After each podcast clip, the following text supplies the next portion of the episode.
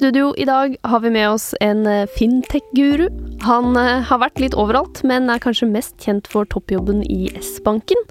Der sluttet han for eh, bare noen måneder siden for å gå tilbake til sine konsulentrøtter og starte for seg sjæl. Velkommen til en ny episode av Voksenpoeng med meg, journalist Nora Rydne i E24. Og velkommen i studio, Kristoffer Hernes. Takk skal du ha.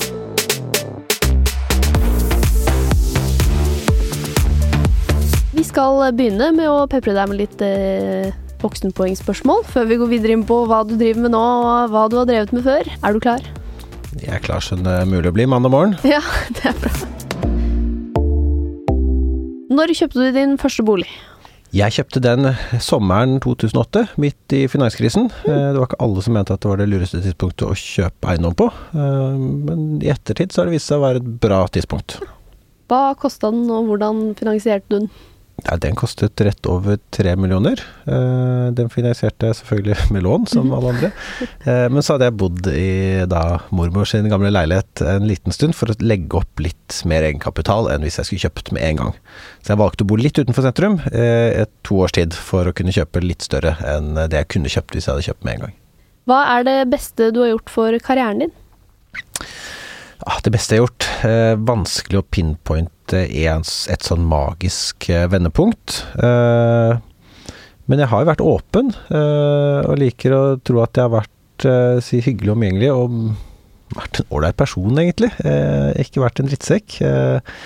Og, det å forsøke å ta tid til de som har bedt meg om noe, det å også oppsøke andre som jeg ser jeg kan lære noe av, tror jeg har vært veldig viktig for å kunne komme seg si, opp og frem uten nødvendigvis å karre seg opp med spisse albuer. Hva er det beste du har investert penger i?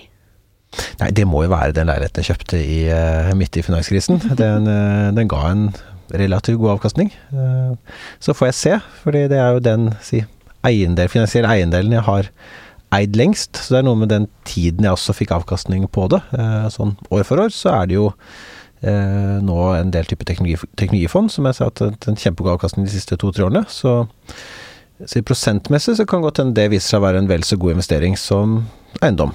Tiden vil se. Hva er det verste du har investert eh, penger i, da?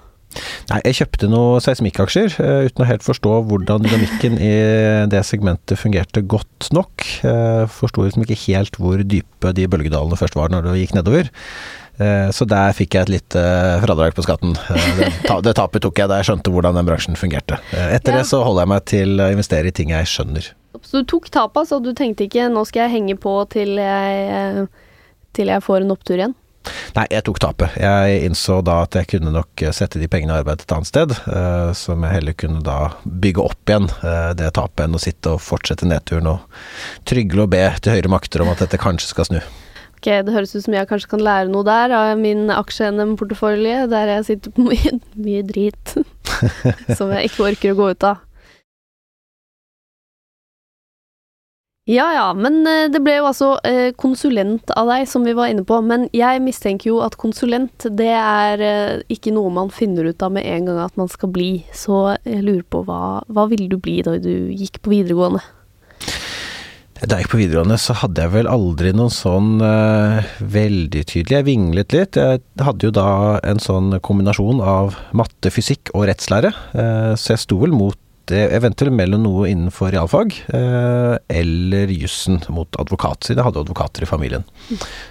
Men endte jo å ta teknologi- og realfagsretningen, for det var jo der jeg kjente at dette syns jeg er skikkelig gøy. Så da ble det IT og fysikk og alle de greiene der?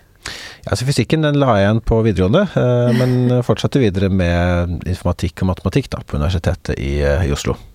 Og var fornøyd med det? Det var kjempegøy. Ja. Det var utrolig spennende. Det er jo, Programmering er veldig morsomt. Eh, Det er en tilfredsstillelse når du skriver kode og du ser at ting funker. Så du får en veldig instant gratification av å utvikle små kodesnutter. Og det driver du med fortsatt, har jeg skjønt? Jeg hadde jo egentlig tenkt å bruke litt tid på det denne høsten her. Vi kan jo komme litt tilbake til planen min denne høsten her, hvordan Ja. høsten ble. Eh, men det har jeg dessverre ikke tid til. Men jeg har gjort det litt innimellom, sånn på egen hånd. hvor jeg holder eh, kunnskap i hvert fall litt ved like, men ved like innenfor det paradigmet jeg har lært. Eh, når jeg ser de som nå er erfarne utviklere, så kan jo de en del verktøy. De har en del verktøy i sin verktøykasse som har kommet til en god stund etter at jeg studerte, som ikke mm. jeg kan. Så jeg ville nok ikke satt meg til å skrive noe kode som skal brukes til noe annet enn eh, stein, saks, papirspill eller uh, tic-tac-toe som kjører på min private Asher-konto eller på min PC. Nettopp. Men du tenkte da du begynte på informatikk at nå skal jeg bli koder? Det var det som var gøy, liksom? Det her var jo i 2000 2000-2001. Eh, så eksakt hva man ville bli innenfor IT var jo litt mer utydelig på den tiden der. Men ja. at teknologi var så Juryen var kanskje litt ute på om teknologi får komme for å bli, for det var igjen som i mitt boligkjøp. Eh, å begynne å studere IT da boblen sprakk. Eh, det var mange som mente at det var et dårlig valg. Men jeg tenkte at jeg hadde en liten sånn rude awakening, at det er ikke alt som glitrer som er gull, men IT har jo kommet for å bli. Dette dette kommer til å gjennomsyre hele verden. Uh, enten vi vil det eller ikke. Uh, det var jeg relativt sikker på. Eh, men om det var programmerer, eller om det var å jobbe med kravspesifisering, eller hva som egentlig var jobben i andre enden, eh, det var litt vanskelig som 20-åring eh, å egentlig se. Det var nok å forstå hvordan diskré matematikk fungerte, hvordan du omsatte det til kode. Og det var litt der mitt mindset var, i hvert fall første del av, av studiene. Da var jeg veldig fiksert på å løse de oppgavene som jeg hadde foran meg. Så karriere, si karriereambisjonen den kom jo heller litt ut i studieløpet. Eh, når jeg nærmet meg slutten liksom, Jeg gikk et femårig løp, men si slutten av bachelor, da. Når det nærmet, nærmet seg avslutning av år tre, så begynte jeg å kjenne at det lå Det kom en utålmodighet der, at jeg ville noe mer. Eh, eh, og det var jo da jeg innså at det er kanskje ikke utvikler jeg vil bli, det er noe annet der ute som ligger nærmere min personlighet det ble jo øh, vekket av egentlig to, øh, to separate hendelser med to ting. Jeg hadde utveksling til USA, hvor jeg hadde et øh, fag i da type business management, sånn grunnleggende strategi og økonomi, business 101. Uh, det merket at jeg tok det veldig lett. Jeg syntes det var utrolig gøy, og hjernen min var veldig påskrudd. til Det var den type strategiske problemstillinger. Uh, og da jeg kom tilbake, så var jeg og et knippe av mine medstudenter ute på en sånn typisk rekrutteringsmiddag med McKinsey, hvor jeg fikk litt innblikk i management consulting. Uh, og før det så skjønte jeg ikke hva management consulting var. Nei, fordi det vet ikke jeg heller. Hva er management consulting? Nei, det er jo rådgivning uh, til bedrifter på strategi, på effektivisering, kommersialisering osv. Det er jo et relativt abstrakt konsept når du er ung, mm. eh, men fikk en god innføring. Jeg syns det hørtes veldig spennende ut. Eh, og ikke spennende for at du ble eksponert for veldig mange problemstillinger og mange ulike kunder. Eh, og det har jo en stor verdi når du er ung. Da har du en evne til å lære mye. Og jo flere ting du blir eksponert for, så jo bredere blir min mentale verktøykasse for å kunne takle neste problem. Så du, liksom, du, kjente at du var litt for utålmodig til å jobbe med bare å sitte og kode og lage én ting? Du ville ha flere ting forskjellige steder? Jeg, jeg, kjente at jeg hadde behov for å løfte blikket mitt på et litt høyere nivå enn på kode, kodenivå. Eh, så der, merke, der skjønte jeg at min personlighet var nok ikke laget for å sitte og skrive kode. Det var laget for å se litt lenger fram, eh, og mer på forretningsmessige prinsipper. Så var jeg heldig, for da ble det opprettet en ny mastergrad på Universitetet i Oslo. Eh, en master i innovasjon og entreprenørskap, hvor jeg kunne bygge videre på min teknologibakgrunn. Men samtidig kunne bygge på med strategi, med bedriftsøkonomi, markedsføring og andre mer type så kaller BI-fag, da. De hadde jo leid inn til og med forelesere fra BI for å gi oss da en mer sånn komplett, komplett, bilde, for å kunne gå mer inn i type leder, eh, lederroller, eh, og, mer da i retning innovasjon, eh, som var navnet på, eh, på studieretningen. Men det var en retning som var rettet mot forskningsbasert innovasjon, og innovasjon i etablert virksomhet.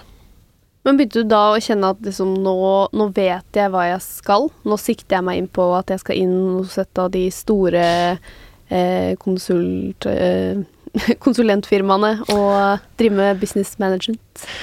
Nei, det det er, lett å si etterpåklokskapens uendelige visdom at man hadde en grand plan all along. Eh, og så er jo verden heldigvis litt mer uforutsigbar eh, enn som så. Eh, jeg, jeg, engasjerte meg i eh, en, en, del ting på siden av studiene, uh, bl.a.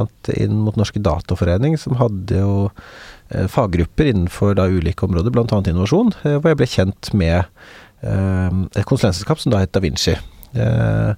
Og begynte å diskutere en del faglige problemstillinger, og etter hvert fikk, ble tilbudt en jobb.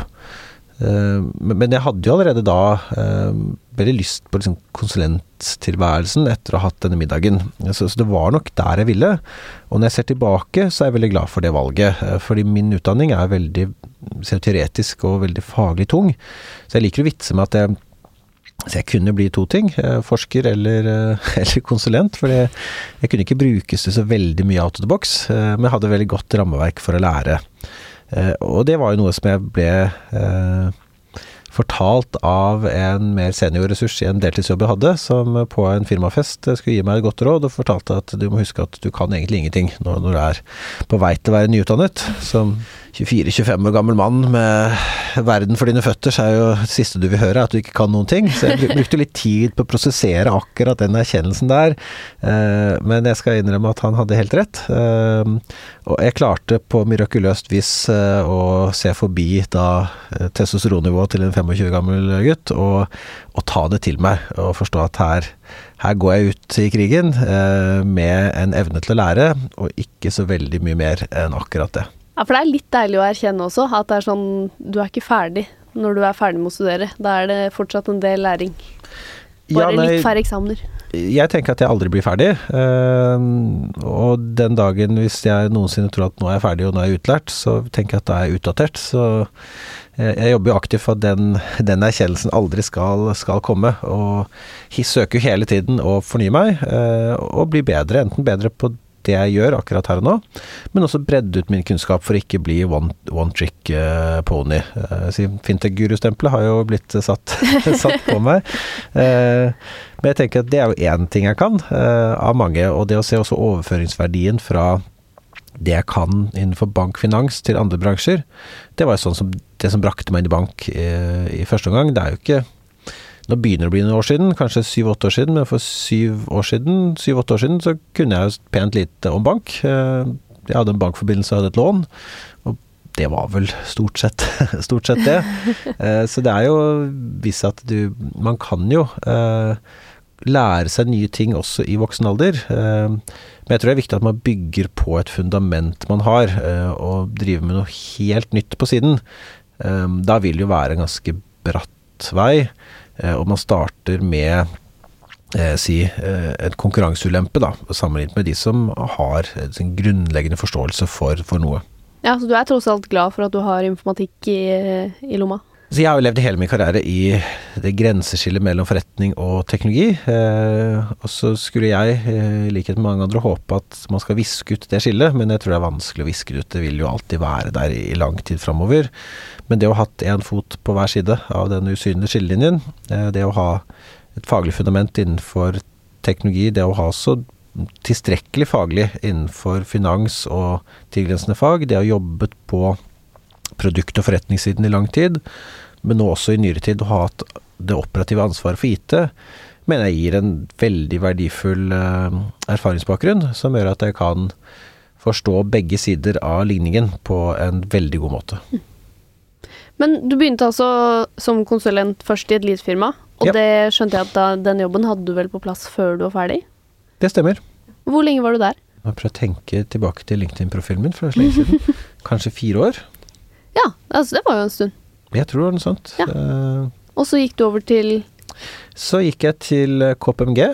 Utrolig morsomt å jobbe med si, mange mennesker på egen alder som hadde sånn samme opplærings, uh, si, opplæringsopplegg. Så de store konsulenthusene, det, det, gir jo en veldig god skole. Du får jo si, Du blir hjernevasket til å tenke som en konsulent på veldig kort, uh, kort tid.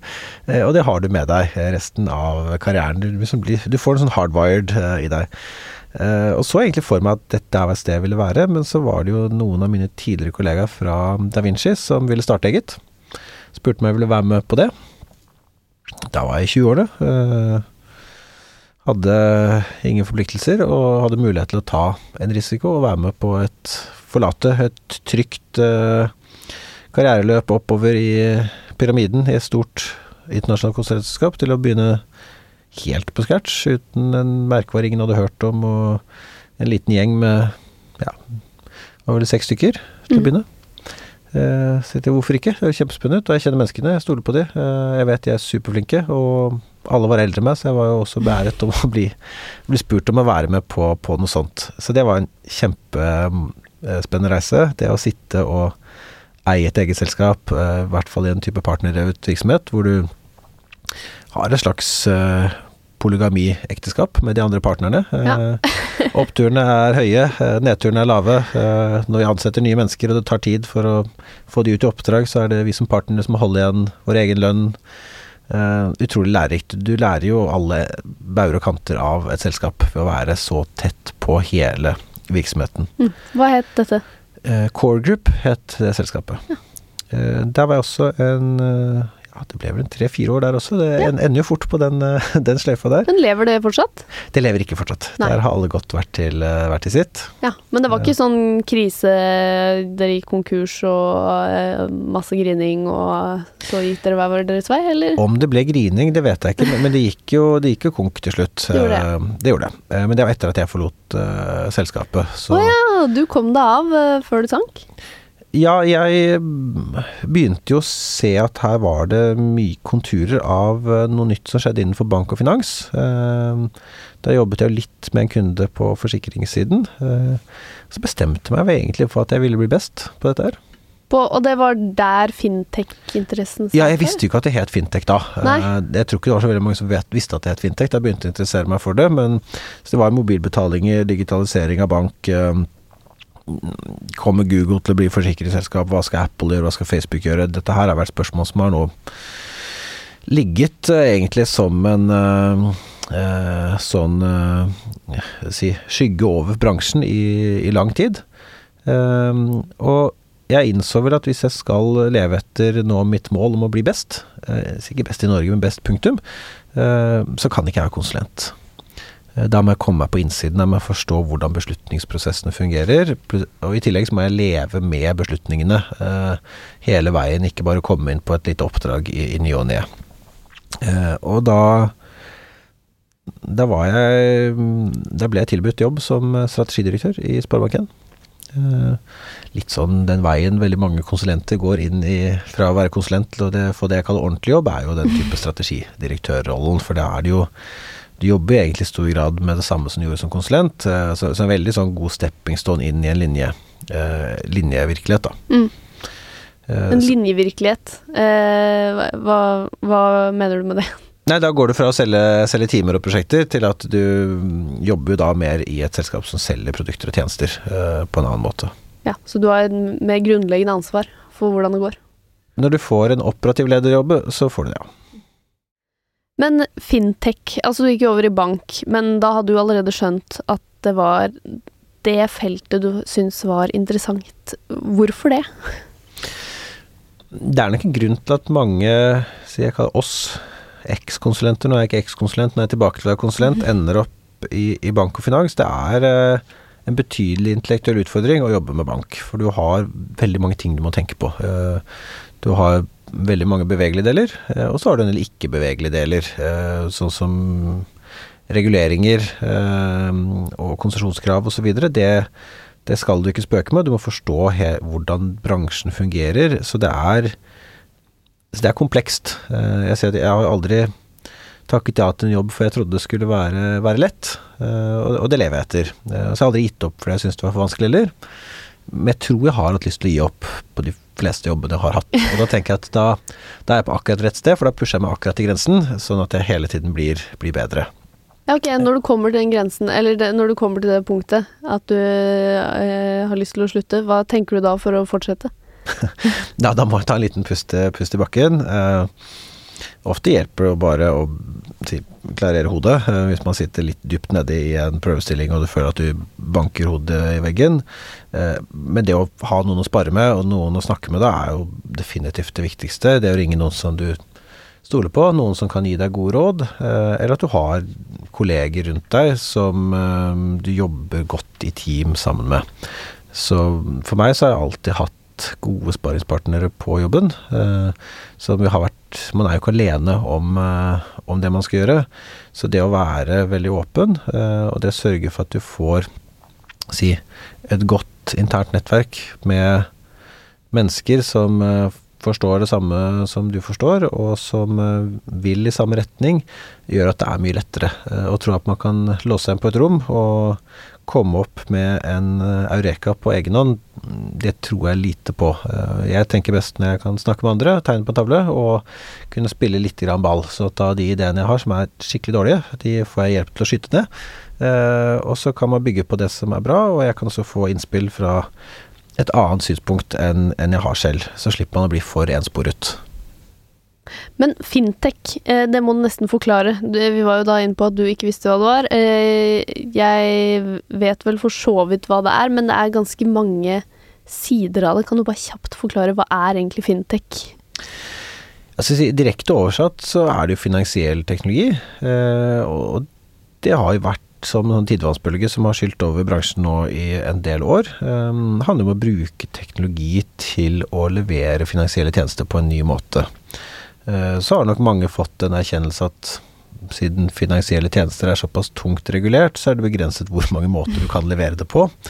Uh, men man ser kanskje heller nå på hvordan man kan bruke teknologien til å bli betydelig bedre da, innenfor eksisterende paradigme.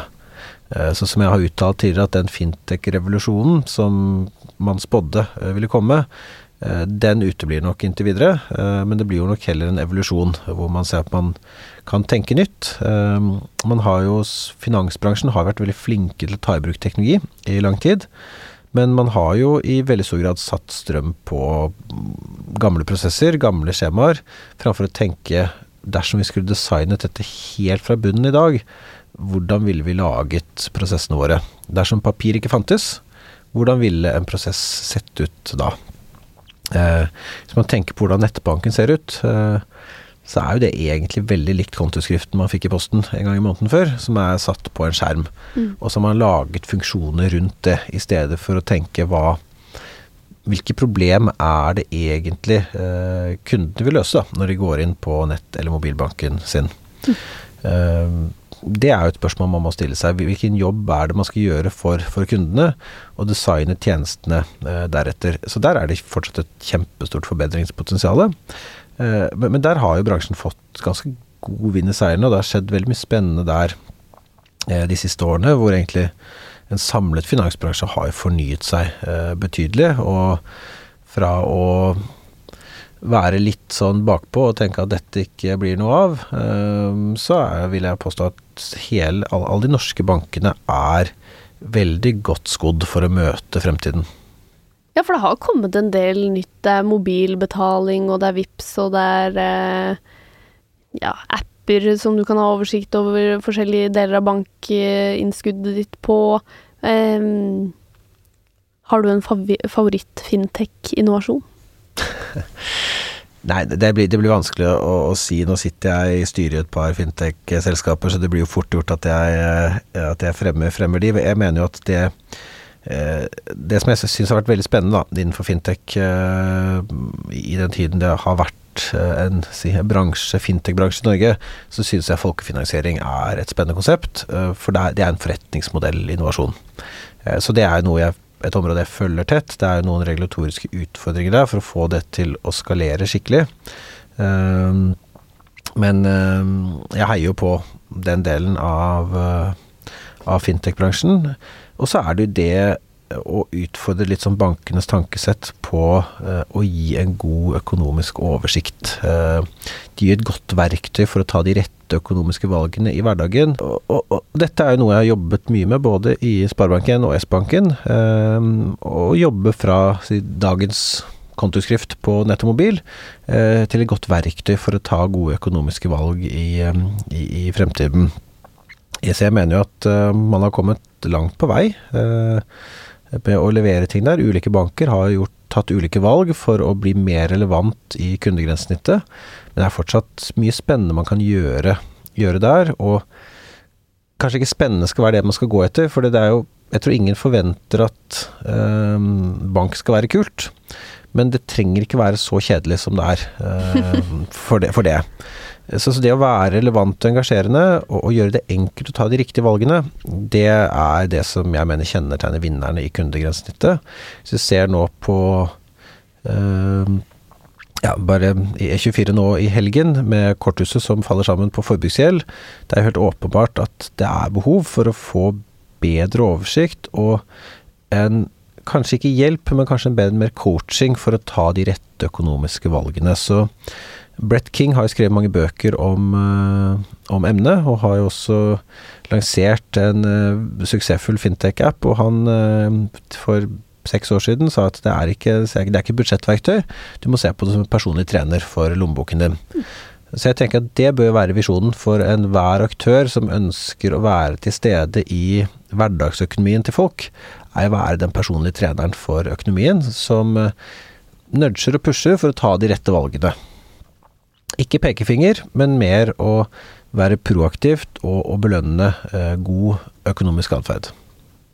Nå skal jeg ikke prøve å få deg til å trashe en tidligere arbeidsgiver, men var det noe i den interessen der som gjorde at det var mer interessant for deg å gå til S-banken, som var liksom mindre og mer eh, ja, yngre, eh, enn Sparebank1, som gjorde at det ble interessant å gå dit?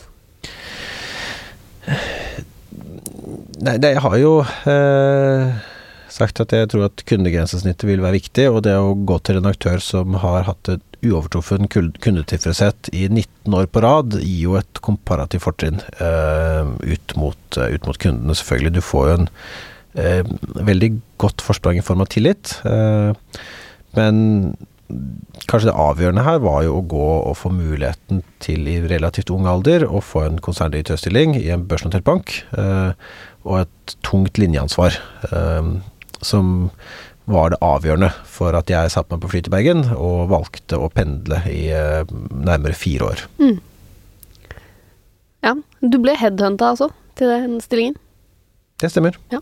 Og det var bare det, et nytt ansvar som gjorde at du valgte å ta det? Altså, det var jo en spennende aktør. Det er jo en aktør i utfordrerposisjon. Mm. Uh, hvis du ser på hvordan markedet er satt opp, så er det jo si for å si det enkelt, S-banken var angrip. Uh, Sparebanken var nok å play defense. Uh, det er jo naturlig når du går fra å være nest største aktør samlet sett på tvers av alliansen, til en liten bank som var rett og slett liten da, da jeg dro over. Uh, vil nå påstå at det er en mellomstor, mellomstor bank. Så det var jo spennende å være i angrepsposisjon. og ikke minst få muligheten til også å ta beslutningene selv og eie beslutningene. Uh, få fingeren på avtrekkeren. Uh, som strategidirektør så har du mer en rådgivende uh, stilling. Det er ikke Du er aldri den som beslutter. som leder for IT og som medlem av øverste ledergruppe, så har du fingeren på avtrekkeren. Mm. og jeg mener jo at nøkkelen for lykke som det er med innovasjon, digitalisering, digital transformasjon Kjært barn har mange navn, da, men en eller annen form for endring Eh, det handler om gjennomføring. Eh, og det å faktisk kunne stå i det og ha god gjennomføringsevne. Vi skal jo eh, prate litt mer om eh, ledelse, men vi skal først innom den faste spalten vår. Eh, det er tabbespalta. Hva er den største tabben du har gjort i karrieren?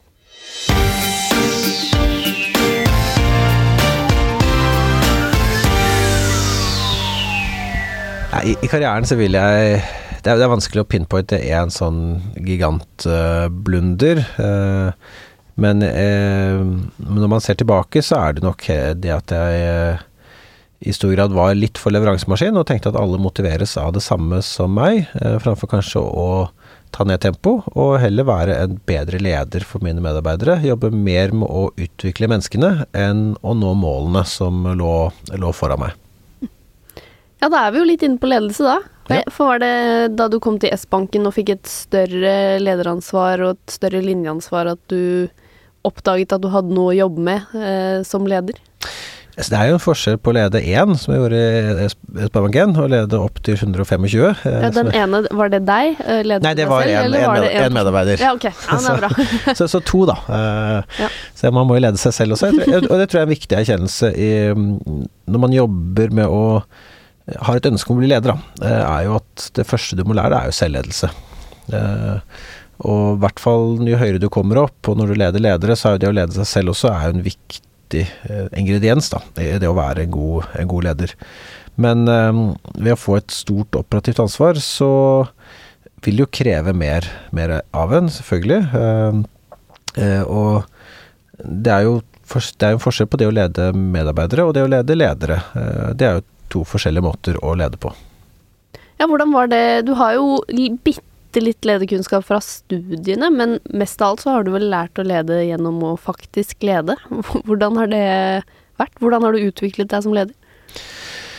Nei, jeg er i hvert fall veldig tydelig til mine medarbeidere og teammedlemmer at eh, jeg forventer og setter veldig stor pris på åpenhet, og det å kunne få god feedback. eh, og så ærlig feedback som mulig. Eh, det er, som jeg sa tidligere, det er noe jeg tar til meg, så at jeg kan justere kurs underveis. Eh, jeg skulle nok gjerne hatt mer formell ledertrening, eh, merker jeg jo. Og Én ting er det du lærer om lederskap på studiene, det er veldig teoretisk, og det sier jo noen knagger. Men det å kunne få eh, det, den faglige inputen underveis i karrieren, når du har en kontekst å sette det inn i, det er nok noe jeg kommer til å og som jeg egentlig hadde litt planer om å gjøre den høsten her, men hverdagen innhentet meg, eh, kommer til å forfølge eh, videre, eh, for å da utvikle meg videre. Eh, har jo vært veldig på å faglig utvikle meg på si, faglig sett på strategi, på innovasjon. Fintech har jo vært eh, et område jeg har brukt investert mye tid på å lære meg godt. Eh, men min, min neste eh, faglige utvikling vil være innenfor ledelse, det har jeg bestemt meg for. Og Hva syns du er vanskeligst med ledelse? Hva, hva er det som faller deg eh, minst naturlig? Nei, så jeg, jeg vet jo at jeg har en slagside mot å være veldig resultat- og oppgaveorientert. Eh, så det å være god relasjonell Jeg vet at det er eh, når det stormer og deadline er nært forestående, og jeg vet at det er mulig å nå den hvis vi bare nå kliner skikkelig hardt til, eh, så vet jeg at jeg har en hang til å da tenke koste hva det koste vil. Eh, nå skal vi nå dette målet. Eh, og, det er kanskje litt av det du får eh, som ballast ut av å være konsulent, at du får litt den der 'I'm the guy who gets the job done'-mentaliteten, som ikke er like eh, nødvendigvis like konstruktiv når du har et linjelederansvar, eh, og du har lengre perspektiver på menneskene du skal lede, og, og organisasjonen du skal være leder, leder for. Eh, Så det er kanskje den største utfordringen jeg ser. Og så er det jo litt Så jeg liker jo tall. Jeg liker å være analytisk. Jeg liker å jobbe faktabasert. Mennesker er jo litt, litt mer uforutsigbare enn et Excel-ark, så det krever at man tenker litt på en annen måte. Eh, Og noe av det viktigste erkjennelsen er jo som en lederkollega sa til meg, og som han også erkjente ved å komme fra en fag, eh, fagvei inn til å være leder. Eh, alle mennesker er ikke som meg. Og det er noe jeg minner meg ofte på. At hva som motiverer den enkelte, vil jo være veldig ulikt fra person til person.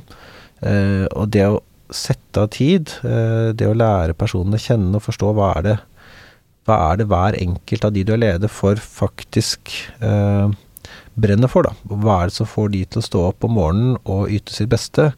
Hvilken retning er det de ønsker å bli bedre? Hvor ønsker de sparring? Eh, og hvor ønsker de utvikling? Eh, det er i hvert fall noe jeg har lært at er utrolig, utrolig viktig. Eh, fordi hvis jeg ser på meg selv, hva jeg forventer, er jo ok, her er målene. Eh, løp den retningen, og jeg har sagt til alle mine ledere, er jo det eneste jeg forventer er god tilbakemelding og god feedback eh, når jeg går out of bounds. For ellers så bare fortsett å løpe til målet, mål, målet nås. Men, men der er ikke alle. Eh, De behovene er veldig individuelle. Eh, eh, Og det er, det er viktig å innse, det er viktig å erkjenne, eh, og det er viktig å leve etter det og faktisk være til stede for, for menneskene. Så si, Digital business is a people's business er jo sånn der eh, slogan som står mange steder. eh, og det er en grunn til at et av lederprinsippene vi definerte i S-banken, var mennesket først. Og det var lederprinsipp nummer én. Men eh, det gikk jo tross alt bra i S-banken, selv om det var mye som skulle læres som ledelse og mange ting du fortsatt har å lære.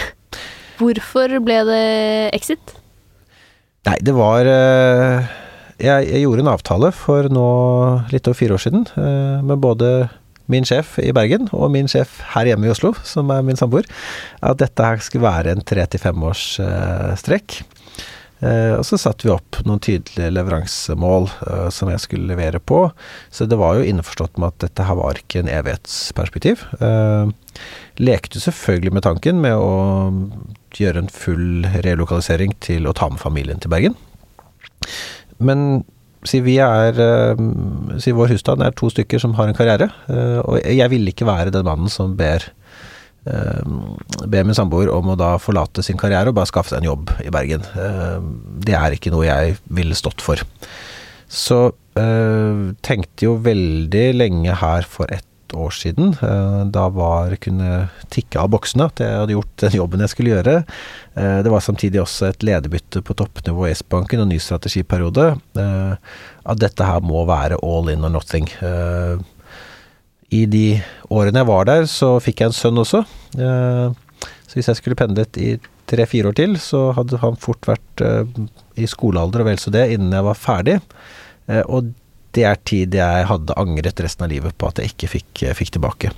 Så jeg sa jo eh, for, i september i 2019 at om et år så skal jeg samle et jobb og familie i Oslo. Eh, og når jeg først går ut med en statement på såpass public som jeg gjorde da, eh, så står jeg for den. Da kunne jeg, da kunne jeg ikke sittet i, i september i utgangen i september i år, og fortsatt pendlet. Så jeg, jeg satte ganske Jeg spente buen ganske greit der på at dette her skal skje innen et år fra nå. Så S-banken var forberedt på det? De visste at du eh, ikke var der? Eh. Vi diskuterte jo litt fram og tilbake om det var en rolle som eh, kunne være spennende nok for å få meg til å flytte over. Men jeg var nok ganske tydelig på at pendlingen er jeg ganske ferdig med nå. Det er når man sier at det er en livsstil, så kan jeg skrive under på det. Det er definitivt en livsstil, og den er for noen. Den er ikke for alle. Vi har snakket mye om det å gå inn som konsulent etter studiene. Det å jobbe som konsulent, det er for noen, men det er definitivt ikke for alle. Men du ville tilbake likevel? Du tenkte ikke ok, ferdig der, nå skal jeg få meg en, et enda større linjeansvar i en enda større bank? Nei, så planen min nå som jeg kom Det var ikke en del av planen at noen skulle spise en flaggermus og verden skulle bli snudd på hodet, når jeg først velger å, å, slutte jobben uten å ha noe spesielt å gå til. Planen var egentlig å komme hjem og ta igjen litt av den tiden jeg hadde tapt. For det ble jo veldig at jeg var bankdirektør i ukedagene mens jeg var i Bergen, og så var jeg familiefar da jeg var i, hjemme i Oslo. Så den tiden som var igjen til meg, det å være sammen med venner, det å dra på en padletur, det å dra på snowboard, det å ta en sykkeltur, den var litt sånn litt ute av ligningen i en god del år. Så jeg skulle bruke tid på meg selv, og tenke hva jeg skulle bli når jeg blir stor, hva planen den høsten er. Men så vil jo verden ofte andre ting, og da det kom forespørsler om å leie meg inn som konsulent da det ble kjent at jeg skulle slutte, så var det vanskelig å si nei til, og jeg tror ikke jeg er bygget for å sitte stille. Nei, for hvor lang tid tok det denne pausen din før du kjeda deg? Det, det var litt det, var, det, er jo en del måneder med oppsigelse. Det her var jo beslutning som ble tatt i februar-mars. Så da august hadde kommet, så var jo mye handovers gjort. Men jeg var fortsatt i S-banken, men på hjemmekontor, så det, det var kanskje ikke den mest hektiske måneden jeg har hatt. Men fortsatt litt der hvor jeg kunne liksom ikke sette i gang med noe ennå. Jeg hadde holdt igjen. Har jo noen journalister på Facebook, og da de så at leiligheten min i Bergen ble lagt ut for salg her på vårparten, så ante de jo hva som var i, på ferde. Men jeg spurte pent om de kunne vente med å publisere noe til over sommeren, for jeg hadde lyst til å gjøre meg ferdig med jobben min før støyet kom om at jeg skulle, jeg skulle slutte. Mm. Uh, så jeg tenkte nei, jeg, kanskje jeg skal ta noen fag til høsten.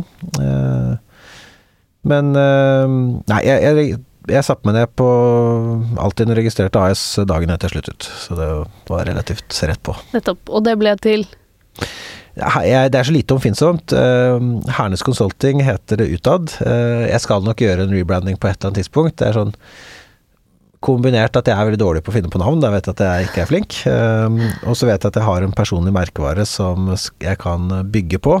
Hva med Fintech Guru Consult? Ja, nå er det ikke bare fintech-kunder jeg har, så det er noe med å ha et litt bredere marked. Men uh, selskapet mitt heter Fjesing AS. Det er den eneste giftige fisken i Norge, og en av få ting i verden jeg er ekte redd for. Den blir jeg livredd for når jeg får på kroken. Hvorfor, hvorfor er det blitt navnet? Nei, det er, jeg har et forhold til den fisken. Jeg er redd for den. Så da valgte jeg det, og det var ledig i foretaksregisteret også. Ja, ja. Ok. Ja, kan kanskje trenges litt jobb på navnefronten, men uh, Det spørs om det bare blir AS-navnet. Så merkevaren blir nok noe annet om det skal bli noe mer enn bare navnet mitt. Ja. Nei, altså jeg er veldig for å kalle opp ting etter fisk, jeg. Syns det var artig. men uh, ja, det ble jo konsult konsultvirksomhet igjen. Hva er det du liker så godt på å være konsulent? Altså ja.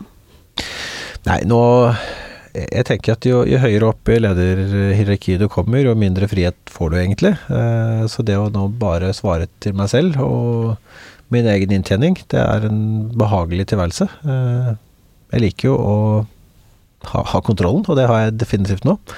Eh, jeg har vel det, det, er ikke noe mindre å gjøre. Det var, tror jeg tikket inn 18 timer her forrige, 18 timer om dagen forrige uke, så det var en relativt hektisk tilværelse. Men det er som jeg sa tidligere eh, nå, nå, som da, det å bli eksponert for mange ulike kunder, eh, ikke minst etter å ha vært fintech-guru nå i mange år, eh, å kunne bruke det jeg har lært innenfor bank og finans i andre bransjer, eh, det var noe jeg hadde et veldig sterkt ønske om.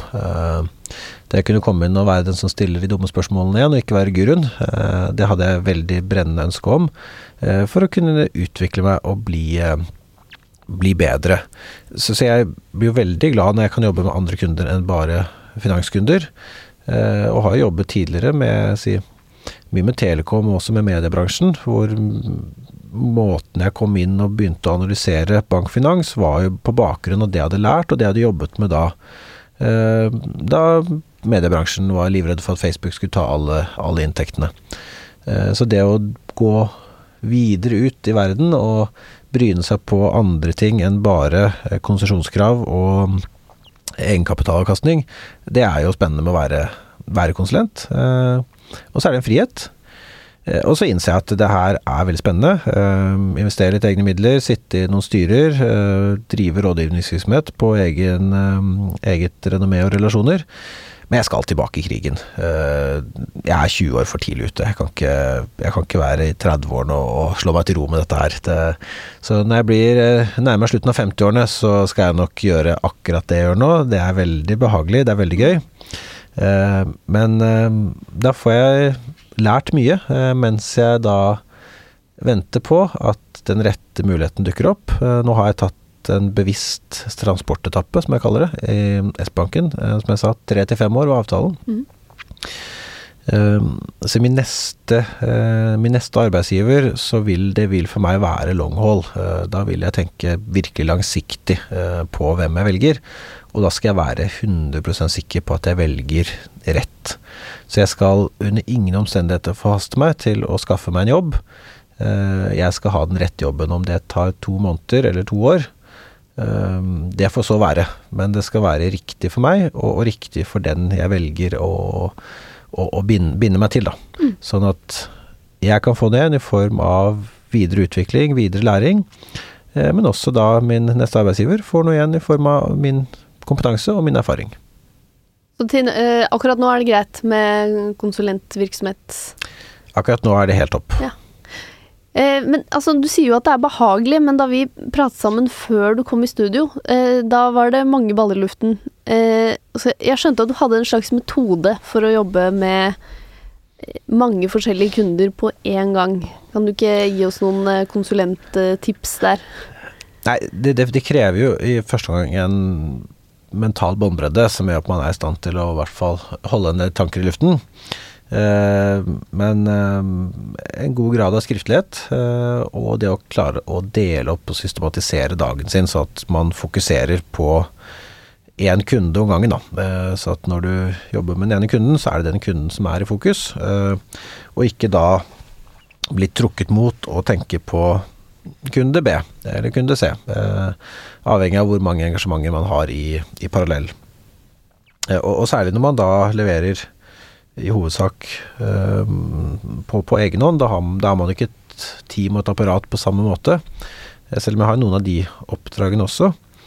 Eh, og sånn jeg har satt opp denne uken her Forrige uke var litt kaos. for da var det noen ting som ble avsluttet, og noen ting som startet. Eh, da var det litt mange ting per dag. Eh, så på fredag forrige uke så sovnet jeg halv ni. Eh, ikke fordi jeg gikk og la meg halv ni, men jeg sovnet i sofaen halv ni. Ja. Men denne uken her så setter jeg av én dag per, per, kunde. Og da jobber jeg med kun den kunden, og kun det som er den problemstillingen den dagen. Ja. Og så er det jo å komme seg hjem og snu bunken, og om det er det samme neste dag eller om det er nytt neste dag, men da er det en, slag, en form for timeboxing, da. Eh, og det var jo også viktig for meg i, i S-banken, for da hadde jeg ansvar for innovasjon og IT.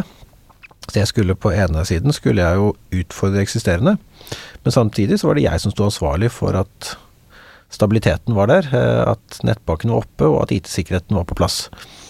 Eh, så det krevde jo at jeg stykket opp og delte opp hjernen min i de ulike hensynene jeg måtte, måtte ta. Det å øke innovasjonstakten krevde jo kanskje et annet mindset enn å gjøre en kjernebankmigrering. Eh, det er kanskje to ytterpunkter av arbeidsoppgaver og oppgaver jeg hadde. Eh, og det var vanskelig å parallellprosessere det eh, på ett samme tidspunkt. Da måtte jeg splitte litt opp når jeg jobbet med det ene, kontra når jeg jobbet med det andre. Ja. Hvordan gjorde du det, da? Hvordan greide du å liksom skille at sånn ok, nå, jeg, nå skal jeg ikke gjøre noe mer på det akkurat nå, nå skal jeg bytte til å gjøre akkurat dette? Nei, det er å ha mental disiplin. Ja. Og du greier det? Ja, til dels. Eh, det er vanskeligere nå enn det var, eh, faktisk. Jeg merker det med smarttelefoner som står og lyser opp som en juletre når det kommer ny mail, og det er LinkedIn-meldinger, og det er notifications og ting og tang. Så jeg har skrudd av det meste av notifications for å ikke la meg dra inn i det. Jeg merker det først Eh, når jeg, fri, når jeg liksom skrur av og har fri, så er jeg notorisk på å sitte og styre rundt, og jeg sitter jo altfor mye på mobilen. Så jeg har satt opp sånn varsel på at når jeg har vært mer enn fem-ti minutter på Instagram, så kommer det varsel at nå har du brukt ti minutter i dag. Uh, utfordrer meg selv for å få ned den skjermtiden som, uh, som Apple gir deg beskjed om hver, uh, hver eh, søndag kveld når den kommer. Mm. Eh, og gjorde i likhet med et par andre også. Kjør, kjørte full digital detox på, i juleferien her for, i julen i fjor. Eh, da skrudde jeg datatrafikk på mobilen og lukket alle arkfaner med sosiale medier eh, lille julaften. og plukket opp igjen her eh, fjerde juledag eller et eller annet. For da skal jeg sammen med familien. Og da hadde jeg ikke noe jobb, og jeg hadde gitt beskjed og satt på autoreply på at jeg er out of office, selvfølgelig hvis nettbanken gikk ned, så var jeg tilbake igjen. Men sosiale medier, det var no go i, i, juleferien i fjor. Det skal jeg gjøre i juleferien i år også. Ja. Veldig behagelig, fordi også si Haleeffekten av det var at jeg brukte mye mindre, sløste mye mindre tid på smarttelefonen i månedsvis etterpå. Ok, bra tips der. Vi har jo også et eh, fast eh, avsluttende spørsmål her. Hvis du skulle gitt deg selv uh, råd hvis du kunne reise tilbake i tid og møte 20 år gammel deg selv, hva ville det rådet vært? Jeg vet ikke om jeg hadde turt, uh, turt å gi meg selv noe råd som 20-åring med da hettegenser og skateboard under armen. Jeg komme der med, med, skjorte og dress og si at uh, dette er Kristoffer nesten 40 år, han har nå endt opp i konsernledelsen i bank, så hadde jeg sikkert bare endt opp med å gjøre stikk motsatt av alt jeg hadde gjort, i protest.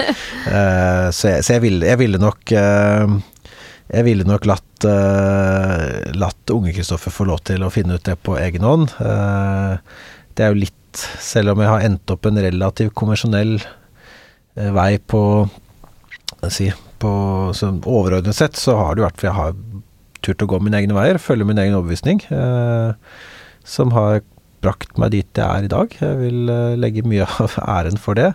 Uh, og jeg hadde vært livredd for å prøve å skulle gi noe bedrevitende råd til en litt for ung og litt for umoden versjon av meg selv, uh, av frykt for at jeg da hadde gjort det stikk motsatte for å være i opposisjon til gamle Kristoffer. Ok, Så du hadde reist tilbake i tid og gjemt deg i en busk til du var tilbake? Jeg hadde gjemt meg i busk, og så hadde jeg latt, latt, meg selv finne ut av det på egen hånd. Kanskje hadde det gått bedre, kanskje hadde det gått dårligere. Uh, det får den eh, alternative historie, historielinjen vise. Ok, så hvis vi skal ta med oss litt eh, karrierevisdom da fra din karrierevei, da må det jo bli Altså, jeg syns du har en eh, Du hadde jo kanskje ikke noen plan veldig tidlig, men du har jo gått litt sånn strategisk frem for å tenke framover. Her skal jeg være i tre år, her skal jeg få med meg dette. Eh, her, nå skal jeg ta det med ro og vente på riktig arbeidsgiver. Du har hatt litt sånn tålmodighet der? Så jeg var vel en eh, Jeg hadde aldri noen femårsplan som uh, tenåring. Uh, jeg var nok litt late bloomer i, dette her, men når jeg først satte i gang, så Når jeg først gjør noe, så gjør jeg det 100 uh, Og det er vel det som preger det hele, at når jeg først da kom inn i den modusen, og det, det er jo helt riktig.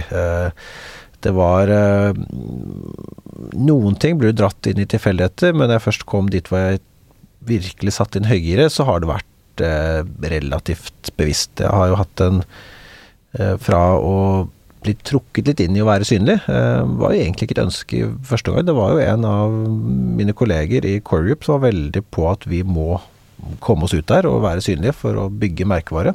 Mm. Jeg brukte så lang tid jeg på første gang jeg skulle skrive et sånt blogginnlegg på da selskapsbloggen, for jeg tenkte det her var noe av det verste jeg har gjort. Um, tvang meg selv til det, egentlig. Jeg ønsket heller aldri om å stå der og mene noe. Men da jeg så effekten av det, eh, så tenkte jeg det her er bare double down og kjøre bare knallhardt på en personlig merkevarestrategi. Mm. Men aldri eh, fremme meg selv for å fremme meg selv. Dette her er jo et av særdeles få sånne personlige intervjuer jeg har gjort. Jeg tror det er tre stykker av de som finnes. For jeg har alltid vært opptatt av at det skal være det faglige, det skal være kunnskapen min som skal være det som er det som representerer meg. Men så tenker jeg at nå har jeg kommet dit jeg har kommet. Og som jeg skrev til deg, så er kanskje tiden moden for å la folk bli kjent med hvem jeg er i tillegg. Ja. Ikke bare hva jeg, hva jeg kan. Men uh, det har vært et prinsipp for min uh, sin merkevarebygging er at jeg skal fremme hva jeg kan, ikke hvem jeg er. Uh, og så er det litt at man må på, på rådet da, er jo finne, finne sin egen, egen vei. for meg så har dette fungert. Det funker kanskje ikke for, for alle og enhver.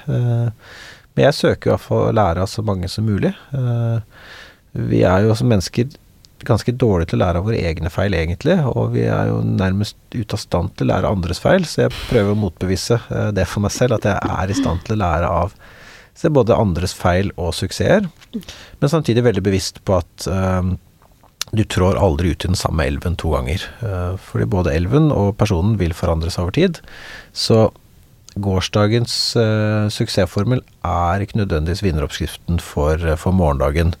Og etter hvert som man blir eldre, så tror jeg det er viktigere og viktigere å minne seg på. Uh, derfor, som jeg sier, at jeg er veldig opptatt av å bruke fakta og data i mine beslutninger. For da kan jeg i hvert fall få et noe mer faktabasert syn på hvordan verden i dag ser ut. Og ikke bli da ende opp som en hippo, en highest paid person's opinion, uh, som ofte er eh, vært toneangivende i mange store selskap i lang tid, hvor det er syvende far i huset som kan call the shots, for man har vært med, vært med lengst. Mm. Eh, og det er jo, tenker jeg, for de som er unge, yngre meg også, som kommer inn i karrieren, det å bruke data og være, ha sin overbevisning, men være veldig tydelig på hva som er subjektivt og hva som er faktabasert. Det tror jeg er viktig for at jeg har blitt hørt, da, som som oftest, som oftest den yngste i enhver kontekst jeg har vært i min karriere, at jeg har vært veldig tydelig på å ha nok eh, kunnskap inn i, å legge på bordet. Eh, når jeg har vært subjektiv, så har jeg vært veldig tydelig på at dette er min personlige mening, så at jeg ikke blander de to, eh, de to settingene. Mm. Eh, for da er det så lett å skyte ned. Hvis du legger det fram en subjektiv oppfatning som en, eh, som en faktapåstand, så vet jeg at jeg er førstemann til å skyte ned argumentet med en gang. En fin oppsummering der. Ja. Tusen takk eh, for at du kom hit i dag, Kristoffer Hernes. Tusen takk for invitasjonen. Produsent i dag, det var Kristine Masdal Odne. Og hvis du f.eks. har lyst til å lese skoledagboka til Kristoffer, så må du gå og følge oss på Instagram, der vi legger ut mye innhold. og der heter vi Voksenpoeng med Nora.